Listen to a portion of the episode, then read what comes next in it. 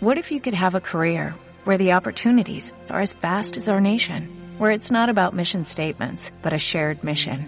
At U.S. Customs and Border Protection, we go beyond to protect more than borders, from ship to shore, air to ground, cities to local communities. CBP agents and officers are keeping people safe. Join U.S. Customs and Border Protection and go beyond for something far greater than yourself. Learn more at cbp.gov/careers.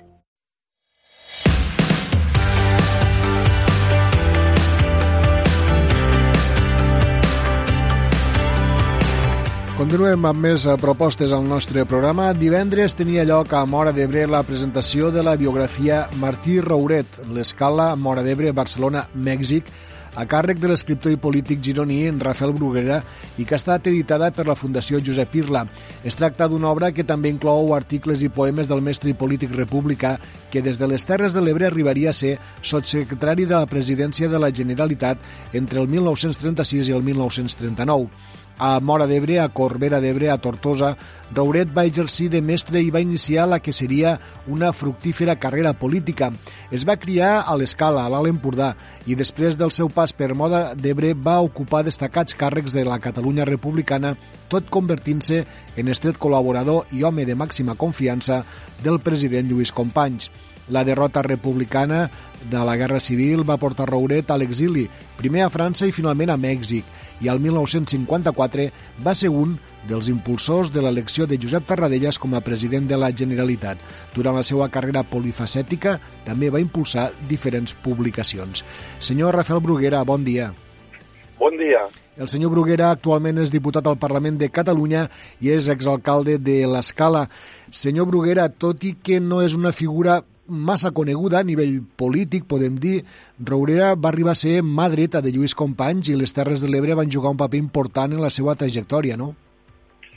Sí, efectivament. Eh, Martí Rauret eh, ve a Mora d'Ebre, a les Terres de l'Ebre, eh, desenvolupar la seva feina de, de mestre, mm -hmm. i és aquí on, eh, fonamentalment, als anys 30 i 31, recorre tots els pobles de la comarca fundant eh, grups republicans a partir dels quals va fundar eh, ell i altres companys seus, com per exemple Artur Boledell de Zumbila, uh -huh.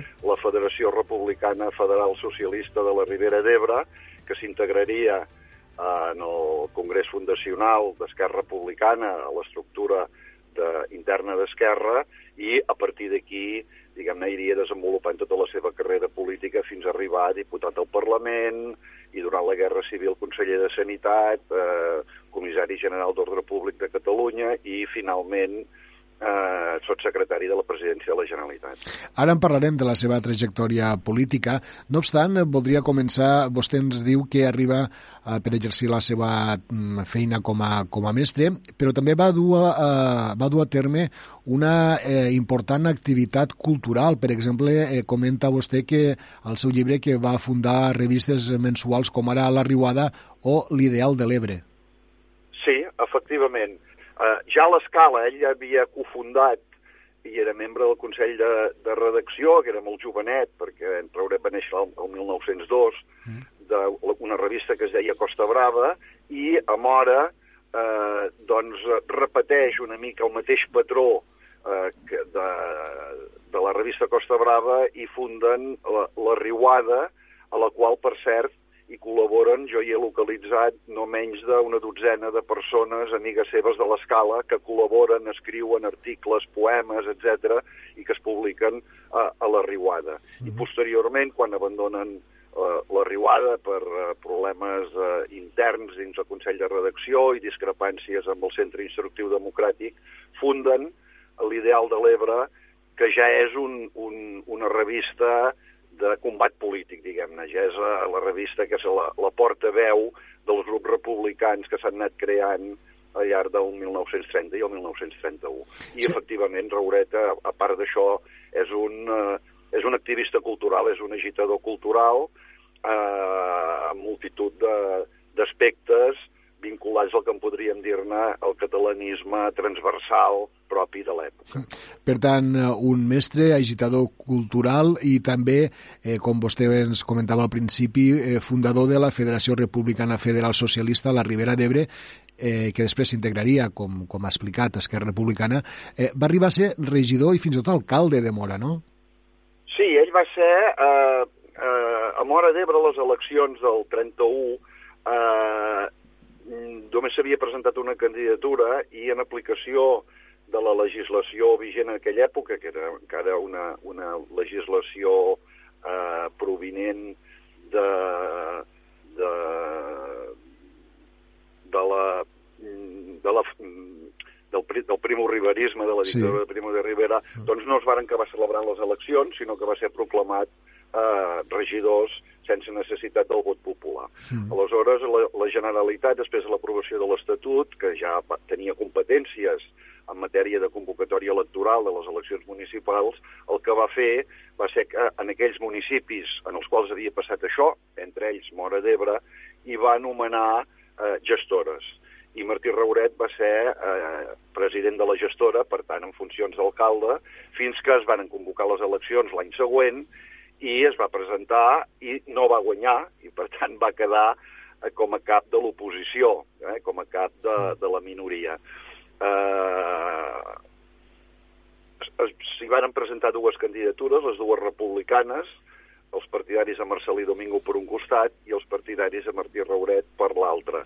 De fet, aquest és una, és una lluita interna entre el marcelinisme, el que podríem dir la vella guàrdia, la, la vella política i la nova política encarnada pels més joves, que va durar mm, anys eh, pel control del republicanisme a, a les Terres de l'Ebre. Més enllà de la política local i comarcal, eh, Rauret va ser diputat a la Diputació Provisional de la Generalitat, l'encarregada de redactar l'Estatut de Núria, fou també diputat al Parlament de Catalunya, va patir els fets d'octubre del 34, secretari de la presidència de la Generalitat, exili a França, exili a Mèxic, en fi, va passar per totes les etapes, eh? Sí, sí, sí, efectivament. Uh, en aquest sentit va ser molt polifacètic, diguem-ne. En Martí Rauret uh, va anar pujant en l'escalafó polític fins a arribar a, a, un, a, un, a un càrrec que només ha tingut ell a la història, que és el de subsecretari de la presidència de la Generalitat, és a dir, l'home de màxima confiança del president, en aquest cas de, de Lluís Companys, que es varen conèixer, per cert, eh, i es varen, segurament ja es coneixien, però que varen establir contacte més directe en eh, el Parlament de Catalunya quan, mm, quan Companys eh, va ser president del Parlament de Catalunya i Martí Rauret, secretari primer del Parlament de Catalunya. Uh -huh. És a dir, se, se seien un al costat de l'altre uh -huh. i, per tant, a partir d'aquí la, la, la complicitat, la fidelitat, etc va fer que que companys li encomanés a, a Rauret a, a, a qüestions delicades, com per exemple conciliar en diverses ocasions amb, amb enfrontaments que es havien produït a les Terres de Tarragona eh, resultes de la llei de contractes de Conreu, o per exemple ja l'any 37 durant la Guerra Civil va ser encomanat per, uh, per companys per anar a intentar evitar eh, la, la desgràcia eh, de, de la Fatarella, del, dels morts, sí. no de la Fatarella en aquella revolta que va provocar 34 víctimes mortals que és obvi que Rauret no va, no va aconseguir evitar. Hem parlat de la figura de Rauret, eh, podem dir abans, eh, fins i tot de la proclamació de la Segona República, durant la Segona República, Guerra Civil, esmentàvem l'exili, i justament a l'exili, a Mèxic, l'any 54, resulta que eh, continua tan actiu que és un dels que fins i tot impulsa l'elecció del de, de president Tarradellas, de Josep Tarradellas, com a eh, president de la Generalitat. Sí, efectivament, Tarradellas i Rauret òbviament es coneixien perquè havien compartit Govern. Eh, lideratge Esquerra Republicana. Mm. Rauret, eh, no cal oblidar que va ser secretari general d'Esquerra Republicana entre el 35 i el 37 i també havien compartit eh, govern a la, de la, a la Generalitat i, evidentment, en l'etapa de sotsecretari de la presidència és obvi que, que també la relació amb Tarradellas era, era eh, sovintejada, no? Mm. Uh, I uh, jo he trobat uh, bastanta correspondència entre un i l'altre. Mm, val a dir que al final, al final dels anys eh, 60, finals dels 50, primers dels 60, les relacions entre els dos es varen refredar una mica perquè Rauret eh, era una persona que sense embuts deia el que pensava i no sempre, diguem-ne, eh, coincidia en l'anàlisi polític amb, amb Tarradellas, però efectivament eh, va ser un dels que va impulsar l'elecció de Tarradellas eh, com a president de la Generalitat, eh, que es, acte que es va fer a l'ambaixada espanyola de Mèxic l'any 54 eh, i, per cert, en territori, en territori espanyol i, per tant, territori català.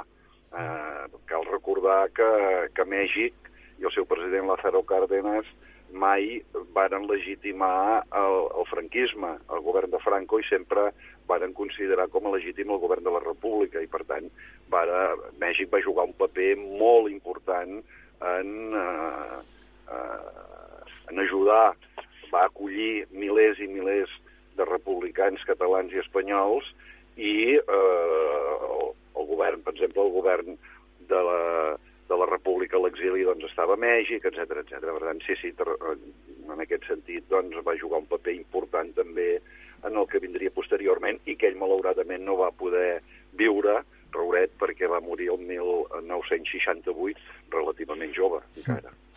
Doncs eh, avui ens hem apropat a la figura d'aquest eh, polític català eh, a través del llibre de Rafael Bruguera, Martí Rouret, l'escala Mora d'Ebre, Barcelona, Mèxic.